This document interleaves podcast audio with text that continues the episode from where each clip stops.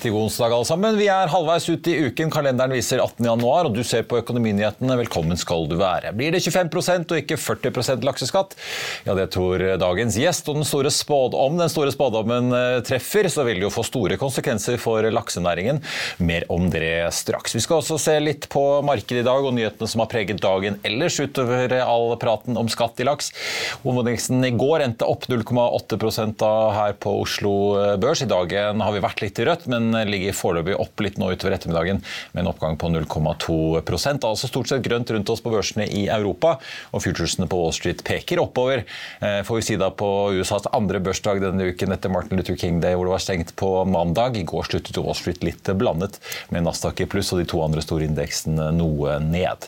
Sjømatindeksen som vi skal komme inn på, opp 0,5% i dag. Så langt i år 4% i pluss. Og så har vi Nordsjøoljen, som fortsetter å vise styrke, opp en halv prosent i dag til 87,10. Begynner å snuse på 90-tallet igjen. Amerikanske lettoljen har også snudd til pluss, opp nå 0,3% til 81,60 i spot-markedet. Norges største bank, DNB, faller nesten 2 i dag og ligger på en rett under 183 kroner aksjen. JP Morgan har vært og regnet på DNB, nedgraderer aksjen fra kjøp til hold. Også kuttet kursmålet fra 230 til 185. Det er jo ikke så lenge siden at Bank of America også nylig nedgraderte DNB fra kjøp til underperform, mens eh, den britiske storbanken Barclays da har eh, skrudd sitt kursmål litt opp til 177, og DNB ligger nå ned 1,74% til 183,25. Flyr-aksjen stiger over 5% i dag. Det ble jo da kjent sent i går at de har inngått et chartersamarbeid Først da med en ikke-navngitt aktør, så kom det en pressemelding i morges hvor eh, navnet på charterpartneren ble annonsert. Det er nemlig Ving og Nordic Travel Leisure Group, altså, som skal sikre Flyr inntekter på chartermarkedet på minst 30 millioner kroner i den kommende sommersesongen, som jo blir viktig for Flyr for å spe på inntektene. Flyr har jo også annonsert at de ønsker å begynne charterflyvninger og wetlease-operasjoner i USA, da særlig i lavsesongen.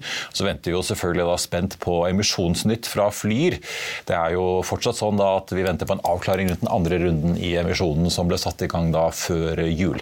Regnskapsrapporten for fjerde kvartal den skal etter planen komme 8. mars, og som eh, Brede Huser, fungerende, eller får vi si den nye sjefen i Flyr etter at Tonje Vikstrøm Frislid gikk av her i høst, sa jo selv i dette studioet for ikke så lenge siden at en avklaring og mer kapital da trengs før utgangen av mars i Flyr, selv om de ikke mener de trenger alle de 450 millionene de potensielt kan få inn i del to i emisjonen.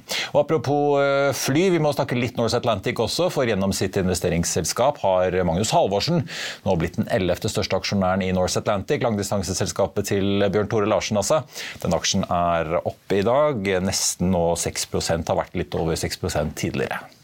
Equinor kan si, pryde seg med tittelen og har gjort eh, årets første funn i 2023 på norsk sokkel.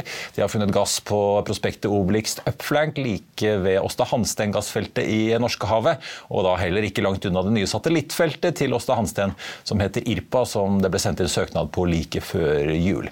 Funnet er på mellom 12 og 69 millioner fat oljeekvivalenter. Og en nyhet til fra energiverden som det er verdt å få med seg.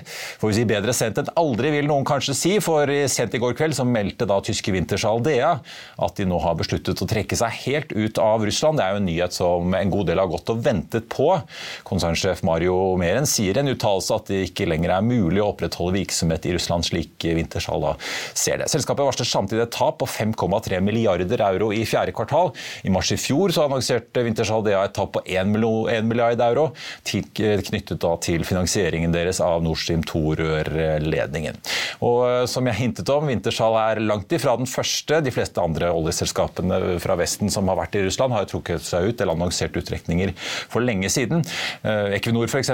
varslet tilbake i mai i fjor en full exit fra Russland. Vil du bli oppdatert på det viktigste som har skjedd innen finans og næringsliv? Da er det bare å følge med, for hver morgen er jeg, Marius Lorentzen og aksjekommentator Karl Johan på plass i studio for å ta tempen på dagens marked i Børsmorgen. Og hver ettermiddag oppsummerer vi alt du trenger å vite i Økonominyhetene, og det blir selvfølgelig masse interessante gjester. Klikk deg inn på fa.no-tv, eller søk opp Børsmorgen og Økonominyhetene der du hører på podkast.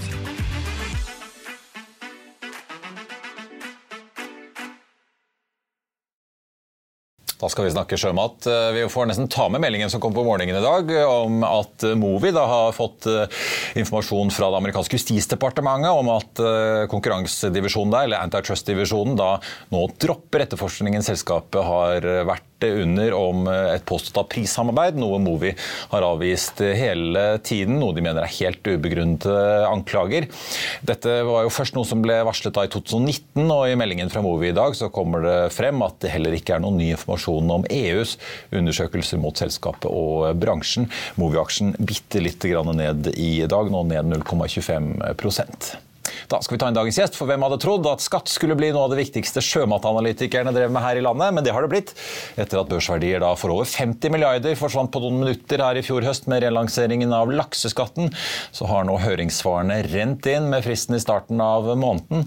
Og dagens gjest er ute med en ny, ny sektorrapport der han bl.a. legger til grunn at skatten ikke blir 40% på toppen av selskapsskatten, men 25% Så nå er vi jo spent på å høre Kristian Olsen Nordby i Kepler Chevrolet. 25% hvor kommer det fra? Jo, det, det, er et godt spørsmål. Nei, jeg har tenkt som så at eh, ja, for, for, det første så har jeg regnet litt på det med tanke på hva er forventet EBIT per kilo for selskapene. Og når kommer de til å investere eh, på lik linje med de som ligger under disse 5000 tonnene på fradrag, altså de små selskapene, sånn at de kan få en god nok avkastning på kapitalen sin. Ja, for Det var jo bare for å ta det, det var jo vrien eh, da finansministeren og statsministeren lanserte skattepakken her i høst, var jo at i motsetning til lakseskatteutvalget som var for noen år siden, så la de inn bunnfradraget ja. for små aktører på 5000 tonn. Ja, og Det ja. gjør det veldig fordelaktig for små aktører å kjøpe volum på bekostning av de store. fordi at de betaler 22% skatt versus 62 i forslaget. Da. Og da har jeg kommet frem til at 25 eh, er mer fornuftig med tanke på at de store også kan da investere på linje med de små, da, og ikke være, ha en veldig ulempe kapitalmessig sett.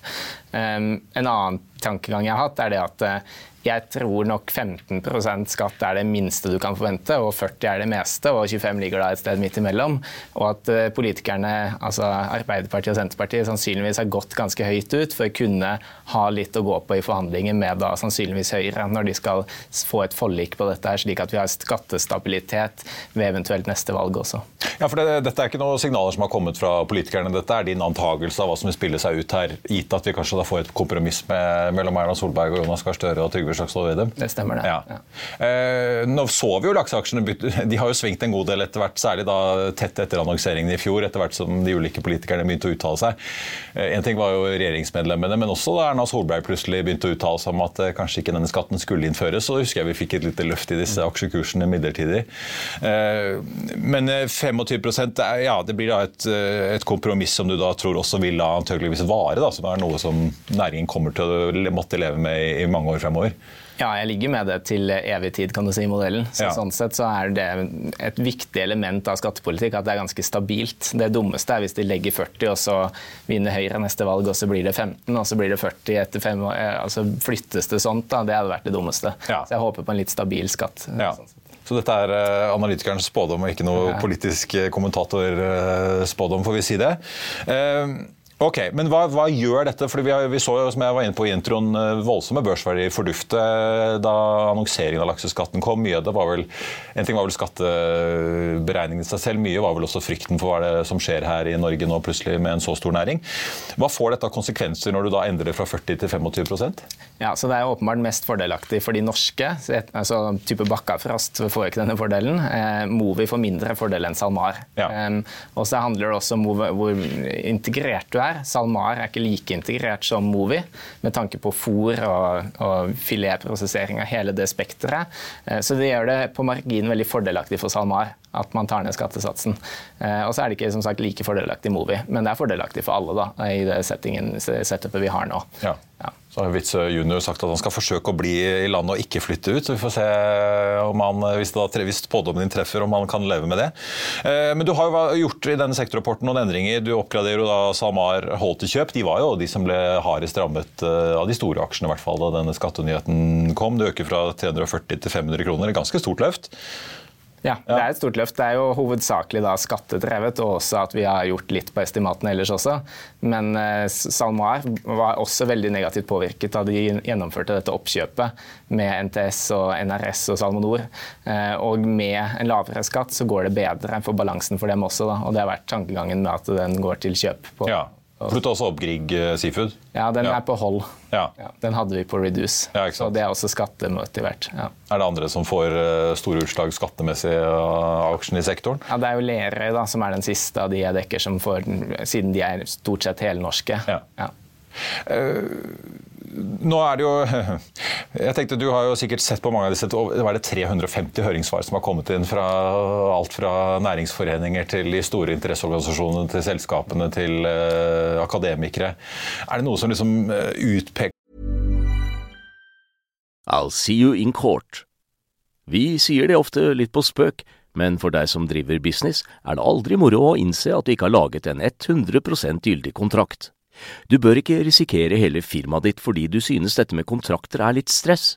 En avtale er ikke en avtale. Du kan miste kunder, miste venner, ja, til og med miste inntekter om du ikke lager en skikkelig kontrakt, på alt mulig, egentlig. Men vi vet det er et styr. Kopimaskiner, tregprinter og haugevis av papir. Dessuten stoler vi jo på folk her i landet. Det er ofte litt kleint å skulle be om en signatur for alt mulig, ja, for mye av styret handler også om jakten på underskriften. Det finnes en enkel måte å løse dette på, Dukkobit, en trygg, effektiv og get this, gratis måte å sikre seg en god natts søvn pluss en juridisk bindende avtale. Dukkobit-appen har de strengeste sikkerhetskrav i bunn, samt en EU-godkjent og sertifisert teknologi. Framover vil det bli behagelig å spørre du, skal vi skrive under på det, eller? Kom i gang på dukkobit.no. seg når du sitter og leser disse høringssvarene? Noe av det er jo dekket i media, men eh, likevel. Ja, Du har jo tre modeller. Du har den eh, ene gjengen som vil at du bare skal øke produksjonsavgiften per kilo. Eh, Det vil slå veldig negativt ut for de selskapene med høy kostnadsbase, typisk på Vestlandet. Mm. Det vil være veldig fordelaktig for SalMar som har lav kostnadsbase. Jeg tror ikke det kommer til å skje, fordi at det blir så stort avvik hvis du øker den per kilo veldig mye. Da. Så har du den færøyske modellen som har blitt debattert, som er at du setter på en måte en sånn trinnskatt basert på hvor høy laksespotten er. Det funker fint på Færøyene. Det er litt vanskeligere hos oss fordi det er veldig forskjellig kostnadsnivå. Så da må du kanskje gjøre litt justeringer. Det er det som gjør den litt tricky. Så jeg tipper nok at de kommer til å få en sånn type skatt som jeg har satt, altså 25% istedenfor 40 og så bare tar du det overskuddet. Men da også får du vanskeligheter med det som har vært debattert med normpris og sånne type ting. Det er ikke så veldig enkelt å sette hva som blir lønnsomheten i farming, men eh, det er mitt eh, beste gjetning. Ja, ja og, og si hvor du faktisk skal skattlegge. For jeg har jo sett at nå har en del av disse selskapene begynt å ta produksjonen sin inn i egne AS-er. Eh, kanskje, altså, ja, De driver sikkert og pønsker på hvordan de skal skatteplanlegge, men, men likevel er det vel også en slags sånn forberedelse på at de, de må faktisk kunne rapportere til ligningsmyndigheter. Hva er kost inn, hva er salgspris ut? Ja. Ja. Ja, det er jo det at du må da tenke hva, er, hva skal smolten ha i avkastning, hva skal eh, filetarbeiderne ha i avkastning, sånne type ting. Da. Og det blir sånn, så nå skiller de det veldig, og det har jeg også forsøkt å justere for i min modell. Da. Men det er jo ikke så lett siden vi ikke har hatt de farming-tallene helt isolert før. Da. Nei, vi har, vi, vi, jeg husker vi har jo snakket om det før, men jeg må nesten spørre deg igjen. Har du, ser du noen sånn trend i hvordan, disse, hvordan bransjen har tenkt å organisere seg? Kan det være at de vil prøve å splitte opp eh, produksjonsenhetene for å komme liksom under 5000 tonn, eller tør de ikke gjøre noe helt ennå før de faktisk vet Ja. hva som står i den stortingsproposisjonen som kan komme til våren? Du kommer nok ikke til å se det før, det, før alt er ferdig. Nei. Eh, Og det er, dette er det beste års argumentet kanskje til at det ikke blir denne 5000 tonn-grensa. At de bare scrapper den i sin helhet og heller bare tar ned satsen. Ja. Eh, Jeg personlig håper jo det, men vi får se hva det blir til. Vi får eh, se, men er, det egentlig før denne proposisjonen kommer, eh, hvor vi kan vente å få noe endelig avklaring, tror du? Eller? Ja, tidslinjen er umulig å spå, sånn jeg ser det. Jeg har ikke noe formening om det, for å være helt ærlig. Folk er litt i villrede. Eh, Jeg har også spurt om dette før, men jeg synes det fortsatt er interessant. Hva, hva sier eh, på en måte for så vidt også norske, men ikke minst utenlandske investorer, som eh, det har vært mye snakk om? Vi har jo hørt om mange telefoner som kom, og ikke bare laksenæringen, eller opp mot laksenæringen da denne skatteendringen kom. Hva, hvordan ser investorene på det å investere i norsk sjømat fra utlandet? da? Ja, det har utviklet seg litt. Så jeg vil si at eh, europeiske pluss London-forvalterne er på en måte på ball. De er med. De kan se at eh, skattemessig er det kanskje positiv risk reward ved at skatten kanskje ikke blir 40, men 20 eller 25 eller hva det blir for noe.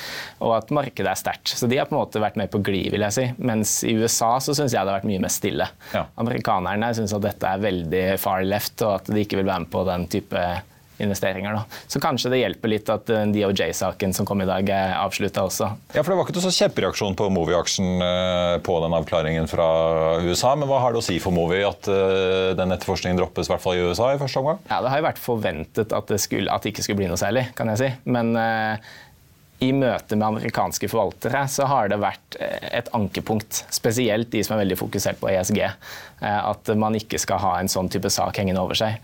Så nå er den saken borte, og da vil du på en måte ha adgang til flere investorer. Da. Så jeg vil jo tenke at over tid så er det selvfølgelig positivt at den saken er borte. Ja. Men, øh, men bidragsyter til å få kursen litt opp isolert sett, i hvert fall. Ja, men du har fortsatt den europeiske saken som skal bli ferdig. Ja. Og den vet vi ikke helt ja, Det er også en litt black box. Kan hende i en bot? Kan hende. Kan, jeg tror jo ikke det skjer, da. Men det kan jo hende. Vi vet ikke. Du, vi må snakke litt om, ikke bare skatt, skatt, og etterforskninger, men selve bransjen også. For du tar og justerer eh, forventningen eh, dere har til lakseprisen i år. Øker de med 5 kroner til 80. Mm. Uh, si litt om hva du ser om både for pris og også de kostnadsøkningene vi jo har sett bransjen også snakke selv om uh, på både fòr og andre ting. Ja, så Prisen blir på en måte element av ok, vi har det veldig stramt, det er lite supply. Det var lite supply-vekst i 22, det blir lite supply-vekst i 23 mest sannsynlig. Da får du ikke noen sånne supply-sjokks som endrer prisen. Det som kan selvfølgelig gjøre at det ikke blir 80 som vi har lagt, men si 70 eller, eller 85, det er hvis det blir veldig mye endring igjen på generell matvareinflasjon. Eh, og, og matvareinflasjonen har vært drevet av soya, hvete og, og det som er input-faktorene for å lage disse her. Eh, det er veldig vanskelig å spå de markedene. De er store. Men jeg har antatt at de ligger ganske konstant som det er nå. Eh, og i det type markedet så blir laks liggende rundt 80, sånn vi ser det også for inneværende år. da. Ja. Er, eh, men altså, hvordan ser marginen ut? Men, eh, litt ja. Apropos kostnadsbildet i, i, bunnen på fôr og andre ting her. da. Ja, så Kostnadene har jo ligget på de lå på 40 kroner per kilo, og så hoppet de veldig fort opp til 50. Mm. Eh, og Nå ser vi jo Grieg Seafood kommer trading update da de hadde 54. Så på en måte kostnadene har kommet godt opp for næringen også. Men det er klart at eh, selv med 60 kroner 80 i pris på 20 kroner EBIT per kilo, så tjener du godt med penger. Så de, har, de tjener mer mer penger nå i 2023 enn det de sannsynligvis noen gang har gjort på EBIT-nivå. Og så får vi se på bunnlinja hva som skjer med skatt. Ja, den, den, akkurat ja, Etter EBIT så kan jo mye skje. Men ok. Men altså det at uh, Grieg ligger såpass høyt, uh, sliter de ekstra med kostnadene, eller er det sånn du forventer at alle kommer til å ligge jeg, rundt de nivåene? Jeg tror de ligger litt høyt eh, per nå. Eh, jeg tviler på at snittet blir på 54, men eh, jeg vil tippe snittet kanskje ligger på 50-51 i den duren. Ja. Da får vi, vi får se, holdt jeg på å si. Men eh, til slutt, altså, det å investere i disse aksjene åpenbart hvis det blir 25% så vil jo det være en lettelse men, eh, som kan drive kursen oppover. Men frem til vi faktisk får den avklaringen og får den proposisjonen på bordet, hva vil du si til de som vurderer å gå inn i sjømatsektoren? Altså, hvor høy sånn historisk sett vil du si at risikoen er nå, når vi har tatt ut ganske mye verdi med nyheten om at det skulle komme en lakseskatt, til der vi er nå? Ja, Det er et godt spørsmål. Så, sånn jeg tenker på det er det at Analytikerne ligger med Inntil jeg endret nå, så lå stort sett alle med 40 i modellene sine. Eh, og da har du på en måte, så I konsensusestimatet ligger det 40. Mm. Og så tenker jeg at forventningsverdien er ikke 40, den er lavere. Eh, og så kan det hende at aksjene priser inn litt, eh, altså litt lavere enn 40. da. Men aksjene handlet på P13, give or take. Movi var vel det. så det er ikke sånn kjempeforventninger til lavere skatt. Og inntjeningen er jo god, markedet er sterkt. så risk reward føles helt grei da, basert ja. på skattebiten. Det er min ja, sånn så hvis det blir 40, så 40, bør ikke fallet bli for stort egentlig, da? Nei, det faller vel 10% tipper jeg, for de mest, altså type SalMar. Ja. Og så faller det kanskje 5 for Movi, da sagt enkelt. Ja. Fortsatt litt røffsjø potensielt, ja. Eh, men kanskje selv om det verste er over. Kristian eh, Olsen Nordby Kepler Sjøbrød, tusen takk for at du kom til oss. Har du ønsker om aksjer vi skal analysere eller gjester vi skal invitere, send en e-post til tvtips at finansavisen.no. Som eh, noen kanskje fikk med seg på Børsmorgen i morges, så fulgte vi det opp da vi fikk ønske om å se nærmere på Aksaktor. Og det gjorde vi jo selvfølgelig. Noen nyheter på tampen som jeg tenkte å ta med. Arctic Securities har nedgradert sin anbefaling på europris fra kjøp til hold. Samtidig som de skrur kursmålet på europris litt opp fra 65 til 70 90 kroner aksjen. Det ble jo sett på som en av de store vinnerne i da varehandelen, gitt at de er posisjonert ganske bra da, sammenlignet med andre mot lavprissegmentet. Europris i dag ned 3,5 da til 66 65, så da er det jo noen kroner å gå på der opp til eh, det nye kursmålet. BV Energy eh, er ute med en produ produksjonsoppdatering på fjerde kvartal. De estimerer da en produksjon på Tortue-feltet sitt på rundt 9600 fat per dag i fjerde kvartal.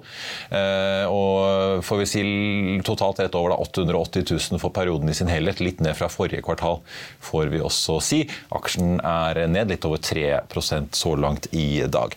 Og så er det jo de andre andre selskapene som vi har omtalt hvor det har kommet litt nyheter i dag. Flyr, som er ute med et nytt Syden-samarbeid med Ving, opp 9,1 eh, så langt i dag. Norse Atlantic, eh, hvor dette da kjente investornavnet har sust inn som eh, en av de største aksjonærene, opp 5,9 Og så har vi Equinor, som var ned tidligere i dag, har snudd nå til en forsiktig oppgang på 0,2% Har jo da meldt om årets første funn på norsk sokkel like ved Åsta Hansten-feltet. Så er det disse sjømataksjene, da. Selve sjømatindeksen opp 0,7% i dag. Movi ligger nå og vaker rundt nullpunktet. SalMar, som da har fått en oppgradering av Nordby i Kepler, ligger opp nå 1,9% Han tar jo da aksjen fra hold til kjøp og øker kursmål fra 340 til 500.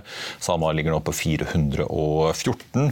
Og så er det Grieg Seafood da, som han tar og oppgraderer, også fra redusert til hold. Der jekker kursmålet fra 66 til 88. Den ligger nå på 88,45, opp 1,7% i eh, dag. Ellers hovedindeksen på Oslo Børs opp 0,3% med en oljepris som også fortsatt ligger opp rundt en halvprosenten da, til litt over 87 dollar fatet i spot-markedet markedet. I Finansavisen i morgen så kan du i tillegg til Trygves leder lese om en kraftig verdioppgang i Supplyskip. Du kan lese om kurssmell for oppkjøpsfondet EQT, der en av toppene nå takker for seg. Og så blir det mer om næringseiendomsmarkedet og mye, mye mer. Og Det var det vi hadde for deg i dag, men husk at vi er tilbake igjen med Børsmorgen 08.55 i morgen, og deretter med Økonominyhetene 14.30. Da skal vi snakke om hva Norges Bank annonserer på rentemøtet som kommer, eller rentenyheten, får vi si, som kommer klokken ti i morgen. I mellomtiden så får du som alltid siste nytt på F1. Mitt navn er Marius Thorensen. Takk for at du så eller hørte på, og så håper jeg vi ses igjen i morgen.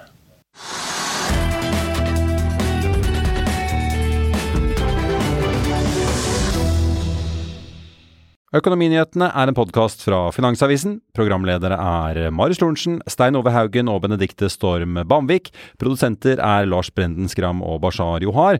Og ansvarlig redaktør er Trygve Hegnar.